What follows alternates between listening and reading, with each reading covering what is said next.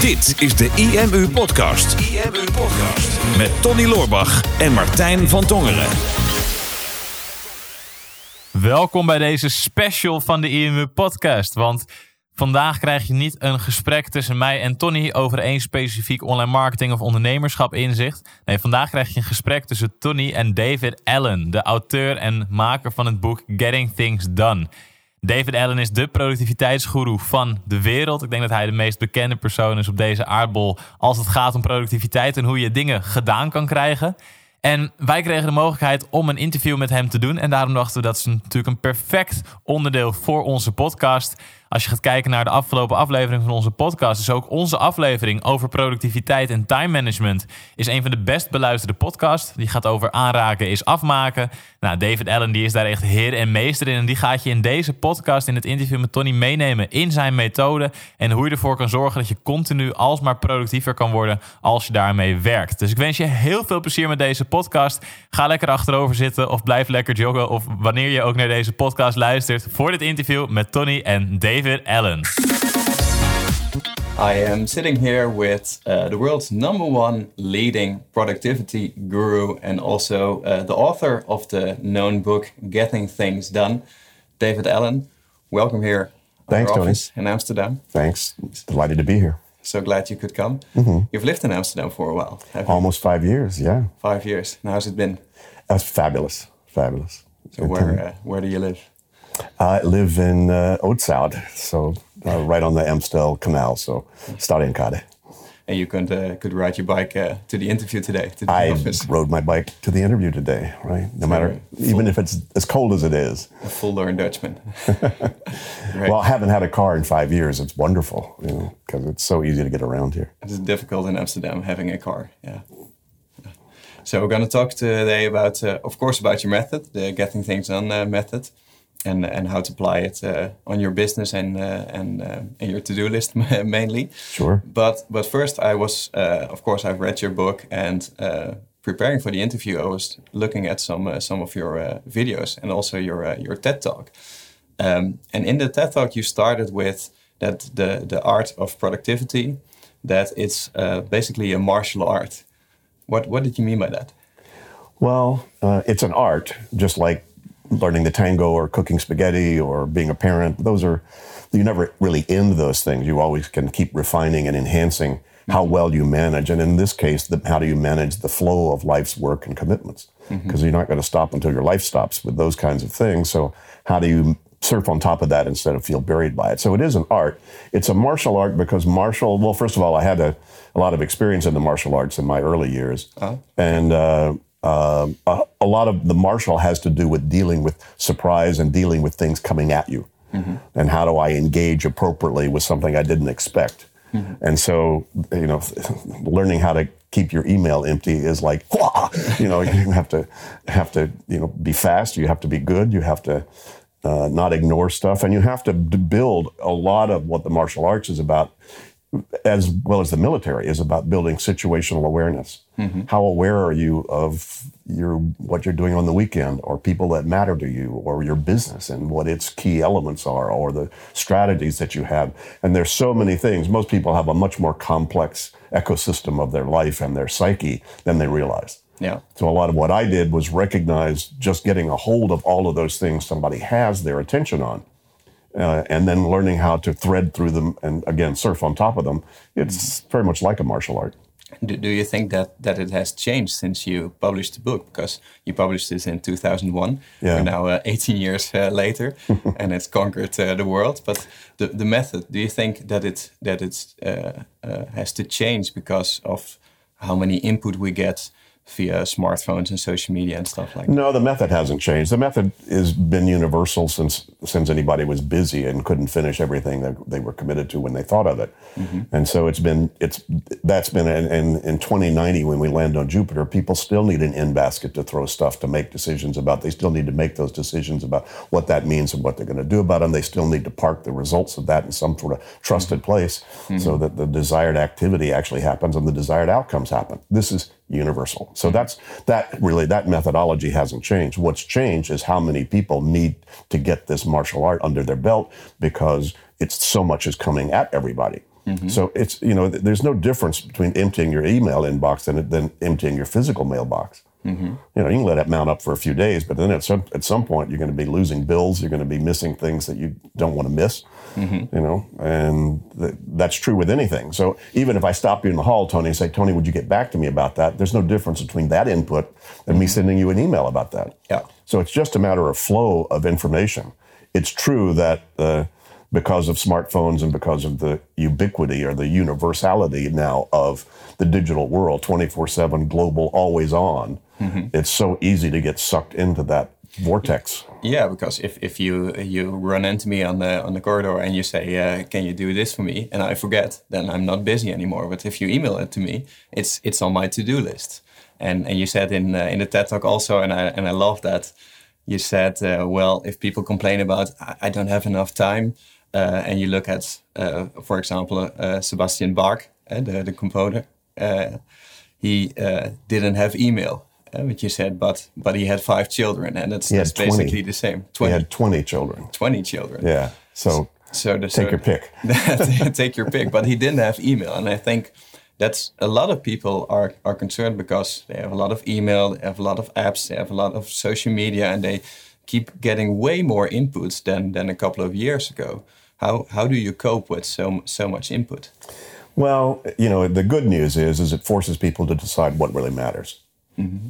You know, why are you, why are you on Facebook? Mm-hmm. Why are you getting, why are you tweeting? Mm-hmm. Right? If you don't have answers to that, you can get sucked into that like crazy. If you have a good answer, there's a reason to do it, and here's the degree to which I'm going to do that. The degree. See, I'm on Twitter and Facebook and Insta- Instagram, but I look at those very much like a cocktail party. I just wander in and wander out whenever I feel like doing it. Sometimes it's a great way to just, you know, kill ten minutes if I'm waiting on a meeting to start or something like mm-hmm. that. So it's nothing. Don't shoot the medium.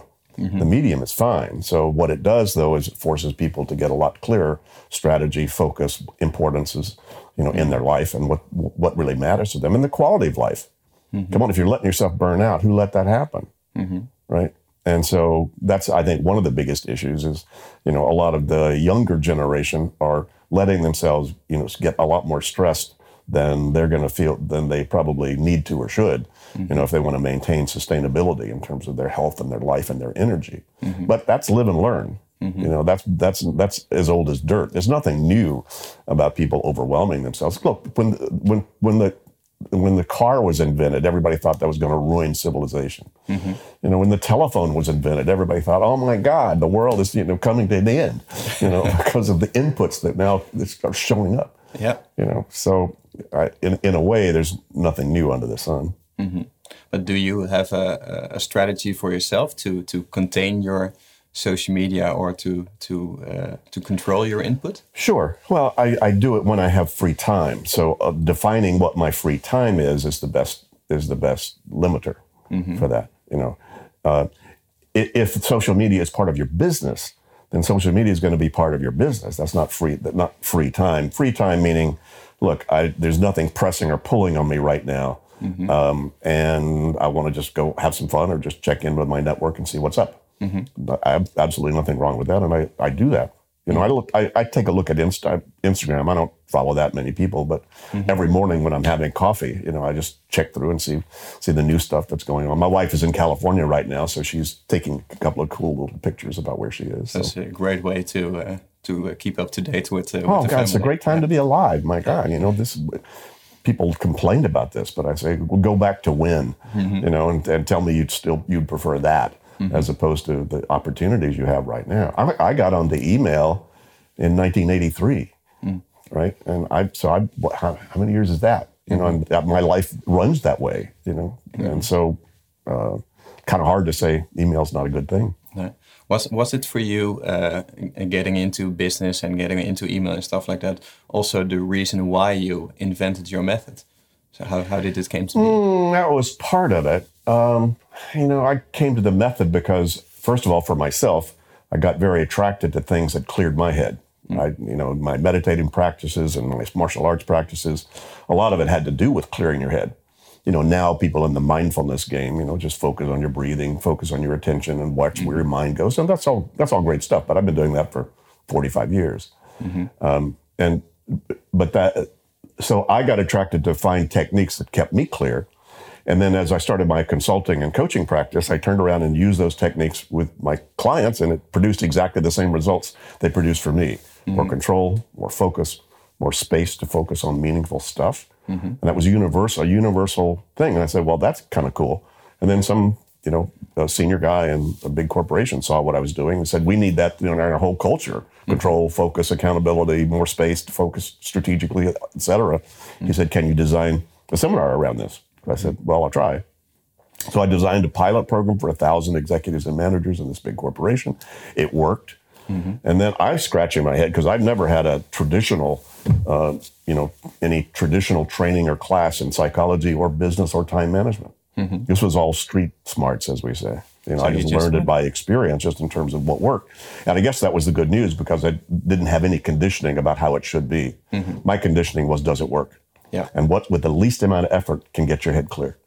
Did you did you imagine when you wrote it down in a book that it would become uh, the the leading book in uh, the productivity? I had no idea. I had no idea. You know, Tony, I, I approached a lot of my life with a, a, a fairly healthy attitude called high anticipation and no expectation.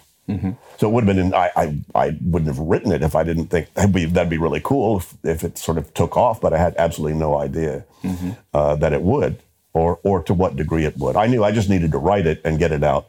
I knew it worked and um, nobody else had come up with it and it was bulletproof. So I said, I better write the manual in case I get run over by a bus. I want to make sure that at least I've got th- this set of best practices that does nothing but improve people's life and work if they implement any of it. It's just something that people need to know. Well, if they want if they want a sustainable stress-free life, they yes they do. Mm-hmm. You know, or you know, stop making so many commitments.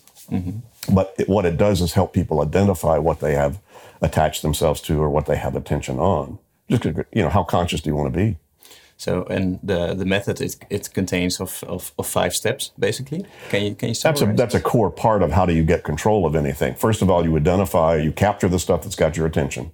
Mm-hmm. Oh, that's got my attention. That's got my attention, and then you park, you know, triggers of those things in some trusted bucket, and then get that bucket empty. With step two, you clarify what do those mean. What am I going to do about that? What's the next step? And if one step's not going to finish this, what's the outcome I'm committed to complete? That's the clarify step, step two. And then once you make a decision, like you need to make a phone call, but you can't make the call right then, then you need to park some reminder to make that call someplace you trust. Mm-hmm. That's called organize, step three. So I've captured it, I've clarified what to do about it, and then I've parked reminders of the doing in some trusted bucket. Mm-hmm. And then step four is making sure when you're at a phone in time, you look at all the calls you've come up with that you need to make. Mm-hmm. That's the review and reflect process, which means basically reviewing the contents mm-hmm. of you know this whole um, sort of um, inventory, if you will, of mm-hmm. your commitments at these different levels. And you so that review and reflection process, it's just kind of like if you look at your calendar or diary to see where, what's the week coming. You know, it's the same thing. I'm just I need to step back and get a little higher perspective on this whole game.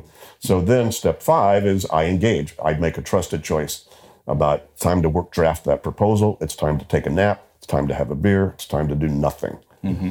And that's made then a trusted choice as opposed to, gee, I hope this is right, or using your engagement as a way to avoid other mm-hmm. things you know you probably should be doing. So so basically, you you you capture all the input that that comes at you, the uh, the things you can do and you must do right away. You do right away. If it takes less than two minutes, Yeah. If it takes more than two minutes, you plan it. If you don't have to do it at all, you discard it, you delete it. And if you do have to do it, but not right away, you you park it for the someday maybe. That's it. So, so that's that's it's a pretty simple method. Oh, it's very simple method. I guess it's so simple pe- people miss it. Mm-hmm. Uh, it. It's simple, but it's not. It's not easy. Mm. It's not easy because it means people have to change their habit. See, a lot, as you have, you're talking to yourself fifty thousand times a day, and you're bothered with two hundred emails. Mm. Come on, where do you think most of your input's coming from? Mm-hmm. It's inside your own psyche. You wake up with an idea. You tell yourself you ought to, would, should, could, need to, ought to. And so you have to pay attention to those things. Mm-hmm. And most people, I, I think it gives people a false sense of control to keep stuff in their head. But your head is just a really crappy office. And that's the part that that's one of the things I discovered was, and now the the the cognitive scientist in the last ten or fifteen years you know, I wrote a chapter in the revised edition of Getting Things Done uh, that uh, that's sort of curated a bunch of the cognitive science that's shown up in the last ten years, basically validating this methodology. Mm-hmm. You know, they've they've pretty much proven that the maximum number of things you can keep just in your head mm-hmm. and manage prioritizing and, and seeing the relationship between them and remembering and reminding yourself about them is 4 mm-hmm. You know, that's it. Yeah. You get more than that, you're going to tend to be driven by whatever's latest and loudest, and that's not going to make you feel very good. Mm. Well, one of the things that you that you said was, if you don't pay attention to the things that already have your attention, they take up more attention than they deserve. Sure. So that that's everything in your head. And that's that's what's somewhat counterintuitive about this for a lot of people. In other words, you need to be as responsible to to to handle I need cat food as you do I need a life. Mm. Because either one of them will take up about the same amount of room if they're just in your head. You'll be as likely wake up at three o'clock in the morning, oh, cat food or life or whatever.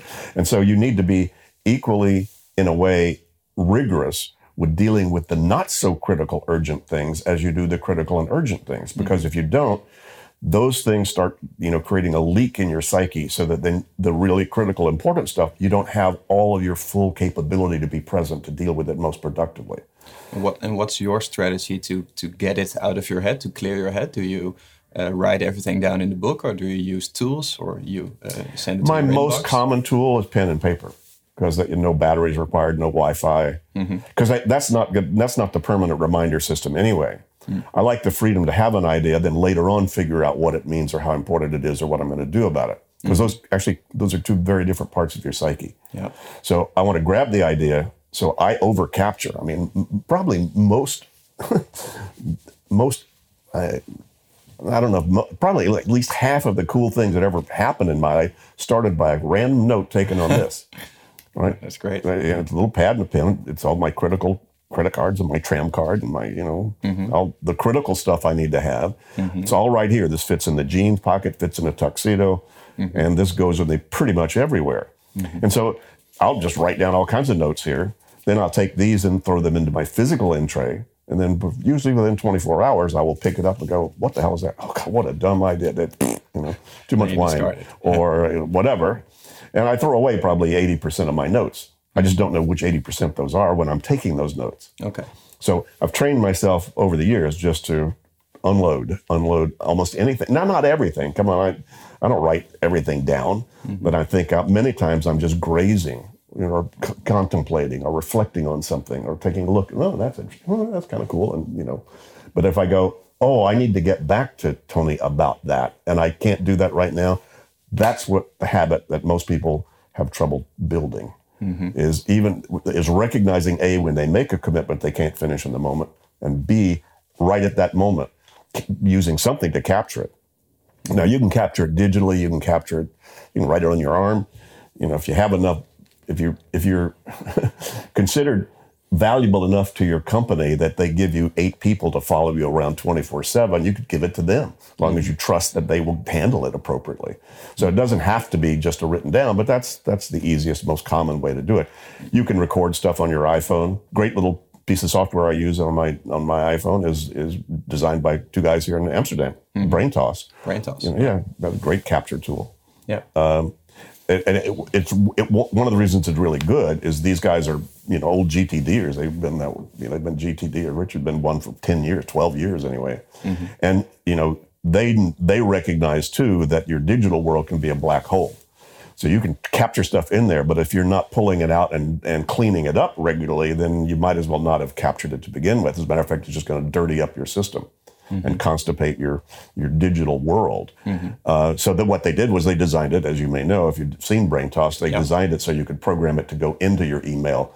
You know, when you take the note, it goes right into my email, so that that way, because I clean up email, I yep. wouldn't clean it up if it was just lying around other mm-hmm. places. So you, you just speak it into your phone, and then it's it gets transcribed and it's sent to your email. Yeah. So that's where you you collect everything. Yeah. And I know when, when we were emailing uh, in front of this, this interview uh, to, to plan this, you were responding right away. So uh, you were really quick in that. And I think that's that's a task for you that you can do in under two minutes. So that, that's why sure. you do it right away. Well, you know, most people, as long as you can type and have mm-hmm. keyboard skills, you know, probably 30, 40% of your actionable emails you could probably, you know, take care of in less than two minutes. Mm-hmm. I bet most people listening to this right now have a whole bunch of emails sitting in their in area. First of all, some they need to trash, some they need to file as reference, some they could finish in two minutes. Mm-hmm. So you can start cleaning up your email pretty fast with just these simple sort of principles or rules. Yeah, but how do you uh, uh, uh plan your reactive and your, your proactive tasks because when I sent you an email about this interview, you responded right away. So you were in reactive mode. Mm-hmm. And it was a, a, bit calming for me knowing that you also have a reactive mode and just react on everything that comes at you. Yeah, I would call it responsive, not necessarily reactive. You know, yes, I'm responding to that right away. Sometimes, you know, people don't send me very much junk mail because I do respond to people within 24 to 48 hours anyway. Mm-hmm. And they go, "Oh my God, this guy, this guy actually reads this stuff and pays attention." So they pay more attention to what they send me mm-hmm. because I am responsive. Mm-hmm. You know, I mm-hmm. pretty much respond to everybody or anything. Now, sometimes, you know, I because if I'm not doing anything else, Tony, I'm cleaning up my backlog to zero because there's a surprise coming toward me I can't see. Mm-hmm. I may get an opportunity I didn't expect that I want to be able to spend two two full days just doing just that. Mm-hmm. So you know, if I've got a backlog of a thousand emails, that's that's a little difficult to suddenly decide to take off for two days and do some new spontaneous thing. Mm-hmm. So if I'm not doing anything else, I'm cleaning that up so once I do that, I don't have to then get into email very as often as most people do. Mm-hmm. Most people are living in reactive mode in terms of emergency scanning all the time, but they're not actually doing anything with it mm-hmm. other than emergency scanning. It's mm-hmm. still there. Yeah, it's still taking their attention. Yeah, sometimes we call it uh, addicted to the ur- urgency. So you're just yeah. waiting for something urgent to uh, to respond yeah. on. And there are days I'm just on the email and responding to email uh, almost as soon as it comes in you know, simply because that's a lot of my work is just correspondence and supporting a lot of people who are communicating with me in that way. Mm-hmm. And so, yeah, so if you're waiting for valuable stuff or as valuable stuff is coming across that medium, you know, absolutely. Mm-hmm. Why, why, not? But again, there's I don't have any hard and fast rule about that. Mm-hmm. So when when uh, you you collected all your inputs and then uh, you have uh, made your your plan for the week, for the month, for for the for the. oh, I plan as little as I can get by with. Yeah, I've got some bigger bigger stuff that's you know happening. As you know, I've got a big you know project, a big uh, summit that we're going to do mm-hmm. this summer. Yeah, we're going to talk about uh, it, of course. But but you know, essentially, you know, some people need to do a lot more pre planning in order to keep their mind clear. Mm-hmm. Uh, and there are times in my life where I've had to, needed to do that in order to keep a clear head. Right now, you know, given that I'm, I wouldn't say I'm retired, uh, but my life, in a way, has gotten simpler. That I've just got some fairly big projects, but not a lot of little ones that I need to do. Mm-hmm. So my planning really happens. Well, there's two things that that that keep me focused on what I need to focus on. Uh, first of all, uh, the weekly review, as you may know, and getting things done. That's a core element mm-hmm. to keeping your brain clear, having you know, and trusting an, external brain and that you can trust your sort of moment to moment decisions is once a week I step back and look at the whole thing and keep clean it up because you can't keep everything pristinely organized and clarified on a minute to minute basis. Life is coming at us too fast, yeah. but you can't let that go too long. And seven days seems to be about right, mm-hmm. so that you know then you need to take one or two hours and back off and don't don't don't look at your phone don't look at you know anything and you need to step up and, and clean up your list and clean up your inventory. Because a lot of things everybody listening to this has probably had things happen in the last two or three days that you haven't had time to sit down and identify what exactly you need to do about it but you know mm-hmm. you've got it. And you know when are you going to do that? That mm-hmm. that's you, that's where you need to build in that kind of reflective time that mm-hmm. lifts you up and as we say manage the forest instead of hugging the trees. You know a little altitude you, you really need that and the night before every day, I'm looking at the next day or two and looking at what I call the hard landscape. What are the critical commitments? Like this morning, 11 o'clock, that's mm-hmm. the only critical commitment I've got today that would die if I didn't do it. Mm-hmm. Right. So I needed to look tomorrow, last night to see how late I could sleep because mm-hmm. I love to sleep. I'm just a big sleep fan. I, I just love to sleep as long as I can. I'm not the only one. I love to sleep as long as I can. So I, I needed to take a look and see did I need to set an alarm. It turned out I set an alarm because you know, I'm kind of a late later night guy because we have a lot of communication back to the states. So I have you know that time zones make mm-hmm. that easier for us to. to handle. Do you, because uh, your method does allow for a certain creativity? Because I, I know a lot of people, including me, uh, get a bit itchy when we have to make a to-do list or a plan for the week and it's completely locked in and we have to do this task on monday and this on tuesday and this are our deadlines and then it leaves no room for the creativity of the day and when you start out and you uh, you, you clap open your laptop you think i, I want to do this because i just thought of it and i'm, I'm creative now and i just want to do this task sure. you, you leave room in your method for that well you know, that's how I like to live my life. So my my system is merely set up so I can be free to do that. So, but you know, if you truly have to do something Tuesday, you better Bamble better have it on Tuesday's calendar. Mm. But if you got it in the right place and know you'll see it at the right time, you don't need to be thinking about Tuesday until it shows up.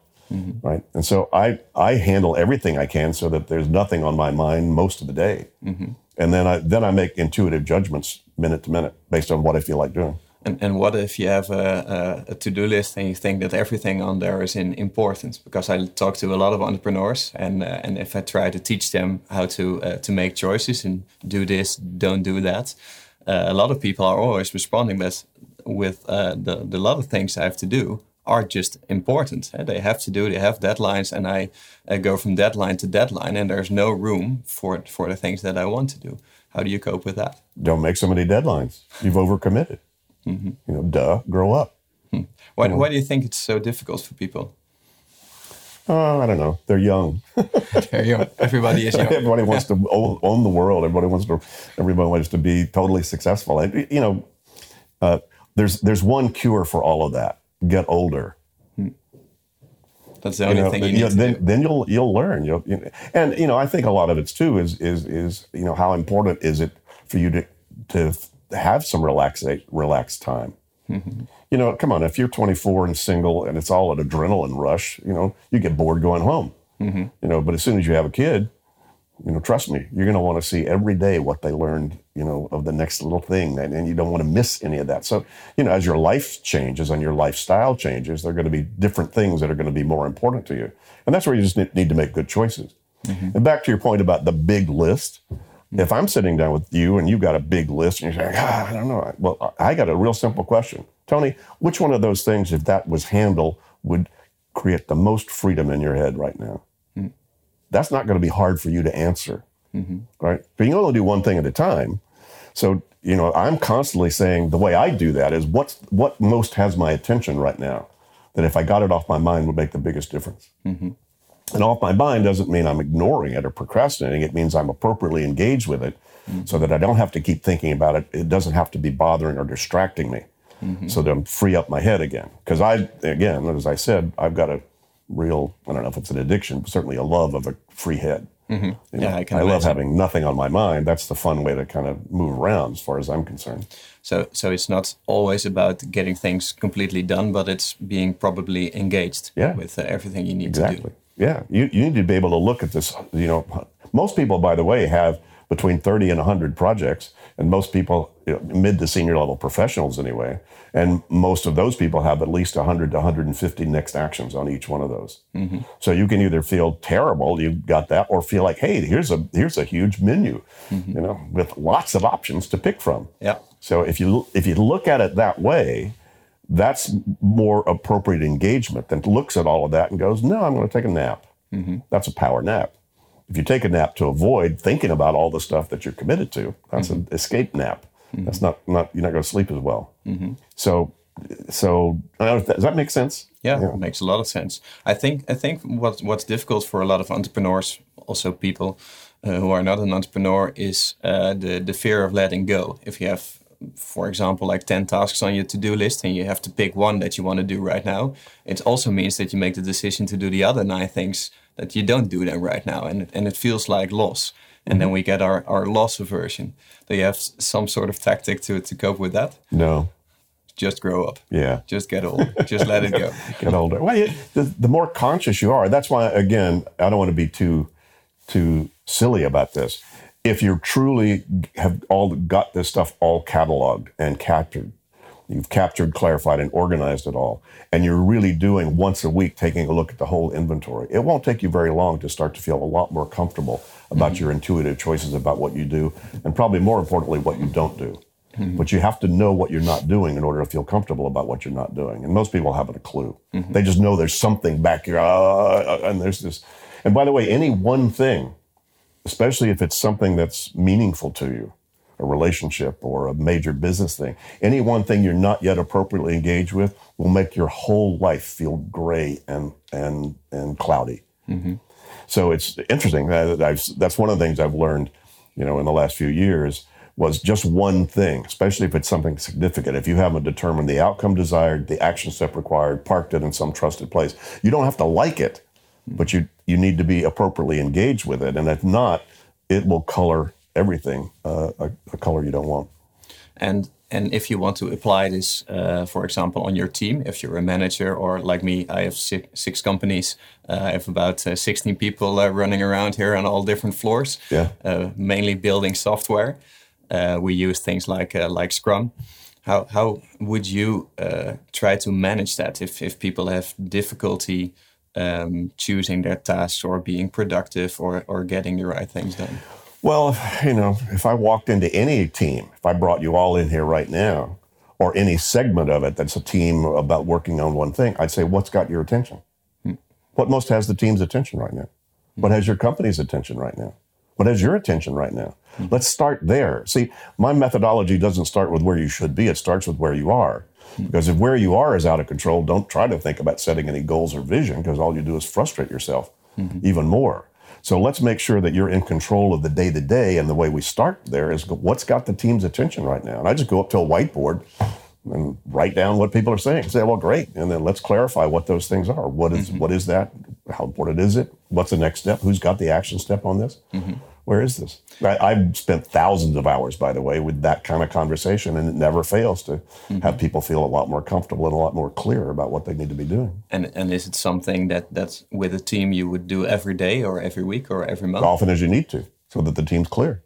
So you just need to know what they're doing right now, all the time. Well, you need to make sure that the team needs to be sensitized to start to recognize when something has the team's attention. Do they have an appropriate context to bring that up? Mm-hmm.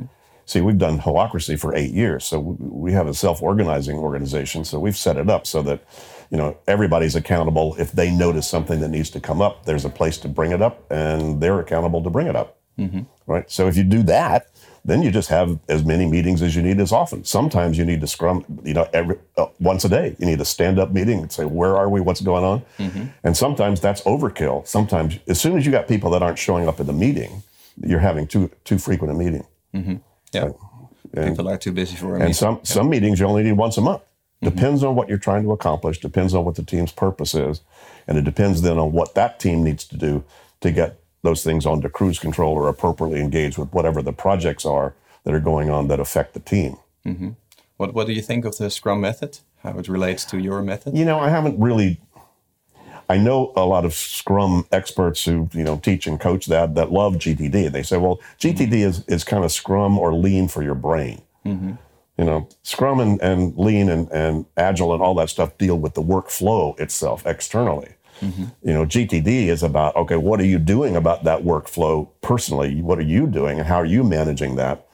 You know, what's got the team's attention about that? Interesting because Agile showed up the same year that GTD was published. Mm-hmm. I mean, as a you know, as a Maybe formatted. Got, uh, got inspired from you. Yeah. Oh, yeah. So I, I don't know. I, I don't know because I don't know the, the people who you know initiated all of that. But again, I know all kinds of people who are Six Sigma, you know, black belts and and you know Scrum and Lean and whatever. Mm-hmm. But I've never really gotten into any of that, uh, particularly myself. Didn't need to. No, you just uh, stick to your method and it still works. Still works. And uh, this year you're giving uh, a new uh, summit here in Amsterdam.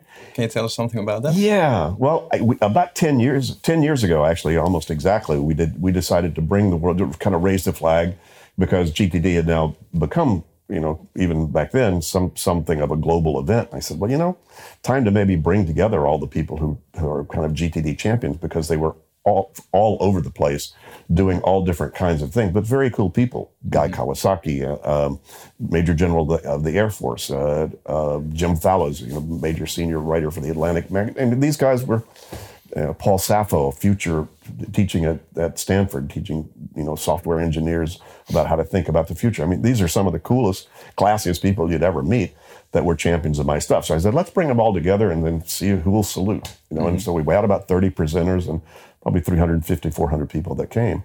And it was such a unique event. I got very good advice. It called, don't do another one because it was so unique. It really mm-hmm. needed to be kind of its own special thing. So it wasn't like something I was going to do on any kind of regular basis. And then fast forward, come 10 years later, it turns out now because we've we've now got partners all over the world, and GTD has really taken off to become you know a, a bit of a global you know movement or uh, and whatever. So we said, you know, at 73, I, I said I'm probably never going to do this again, mm-hmm. but I think it's time to maybe bring it all together, and it'll help support and give a lot more impetus, I think, to the the partners that we have around the world and just an incredible group of. Uh, we have almost 50 presenters now who are just coming on their own dime wow. uh, to do this. Marshall Goldsmith and and and Jim and um, Charles Duhigg and uh, uh um, oh, just uh, you know Cady Coleman, who was one of the first women astronauts. You know, serious GTD person. We actually coached her while she was on the space station. Mm, wow! And so she's got some great stories, and you know, there's all kinds of people are going to do that, and you know, we've got a great and Amsterdam is this, you know, my adopted city, and what mm-hmm. a great place to to be, you know, um, sort of having a global summit uh, mm-hmm. about GTD. So thrilled. So it's this year in uh, in June, I believe. June 2021. Yeah, no, at Theater still Amsterdam. In Amsterdam, yeah. and are still tickets? I think so. Yeah. No, we just started. We just launched the public. Um, um, we've been working on this for 18 months and I've got uh, you know two of the guys that are some of the some of the best producers of of uh, conference in the in, in the city, maybe in the, even in the country, uh, that are that are partnering with me just to put it on. And it's not really designed as a money making event. We just you know hopefully are going to going to uh, have sufficient uh, participation that we can do some of the coolest things. Mm-hmm. You know, they're going to be, it's going to be pretty high tech. There's going to be, you know, whether we're streaming or not, we're not sure yet, but we may do that. But certainly a lot of that's going to be recorded mm-hmm. and will be available after the fact for people that aren't going to be able to be there. But we've already, you know, sold you know 30 20 30 percent of, yeah, that and we've only been out a couple of weeks no, it is, it's quite unique for uh, for amsterdam and especially for all the people listening to this uh, to this interview uh, for the Dutch entrepreneurs, it's it's not that often that that all these uh, American uh, superstars that you just named off are coming to Amsterdam for uh, for this kind of event. So uh, I think uh, it won't be a problem to to get that to get that. Full. We'll we'll see we'll see. So for know. everyone listening, I don't, I, I don't know. Well, you know, it's. Amsterdam's such a great place for this, but if, if you don't mind me, you know, being a little philosophical about this, because one of the things I love about it is that, that I love the the approach the Dutch have. I mean, you guys are you're practical as as ever, and mm-hmm. you make things work, and you you you you, you it, things work here. Mm-hmm. You know. Now the Dutch always complain about the Dutch and everything Dutch, so you mm-hmm. know that, that's quite Dutch to complain about everything. uh, but then you know go away and live somewhere else, and then you come back, you go, God, I'm really glad I live here. You know. Yeah, but for you, uh, as the author of the of the GTD method, it's a, a practical people is maybe the best uh, best uh, place to be around. Could be, could be, yeah. Certainly, you know, the UK and Scandinavia and Northern Europe have, uh, you know, there's a, a, lot of uptake of GTD because of the, you know, people like, you know, structure and systems and, you know, mm-hmm. do that kind of thing. But, you know, it's spreading around the world. So, you know, I'll be in South Africa next week and um, Moscow in May and, and I'll be in the Prague in, in April. So you know, it's kind of spreading all over. Nice. Okay, we're uh, we're concluding the interview. Uh, just one last question, because uh, you you you published the book in 2001. It's it's it's 18 years ago. You built an enormous empire based on your on your method, a business empire. What if you look back? What's the thing you're most proud of that that you built or created?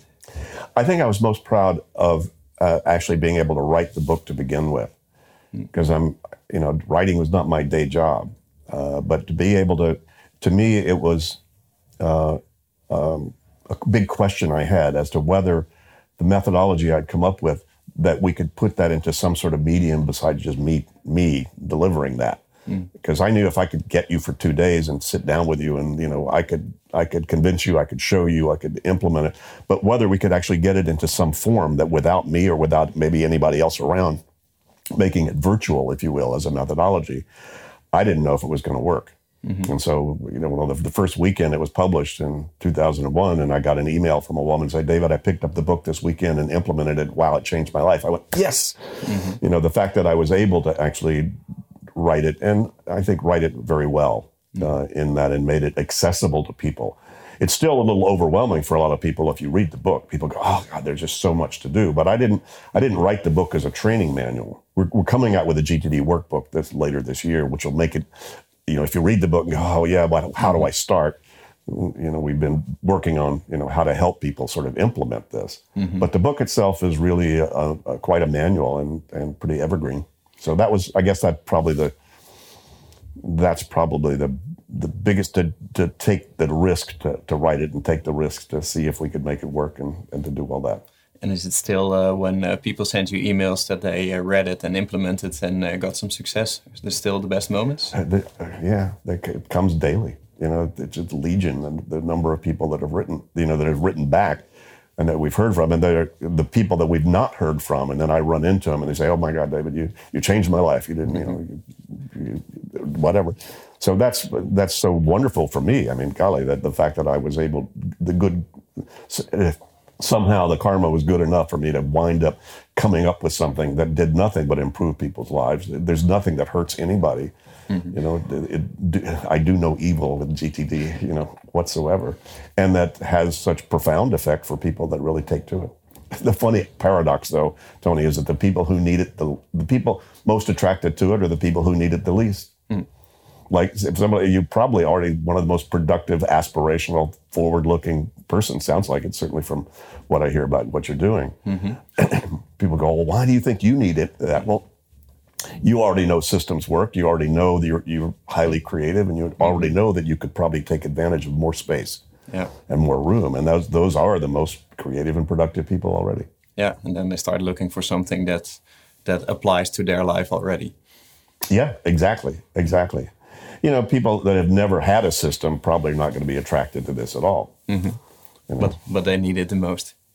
They, yeah, the people who need it the most probably are not not going to be attracted to it. But when I say that, yes, but the kind of people that I get to coach and work with, just the tiniest little increase and more more space and more room for them to focus on their meaningful stuff, that has a huge impact on a lot of people mm-hmm. because a lot of them are highly influential and also doing good work in the world. So nothing pleases me more than to help people doing good work do it better, do it easier in a more sustainable way. Mm-hmm. That's a that's a nice conclusion. David, thank you very much.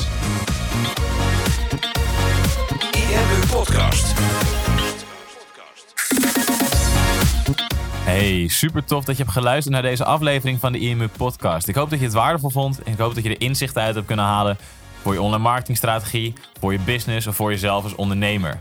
Het is namelijk ons doel met deze podcast om zoveel mogelijk mensen te helpen en inspireren voor een online marketingstrategie en voor hun business.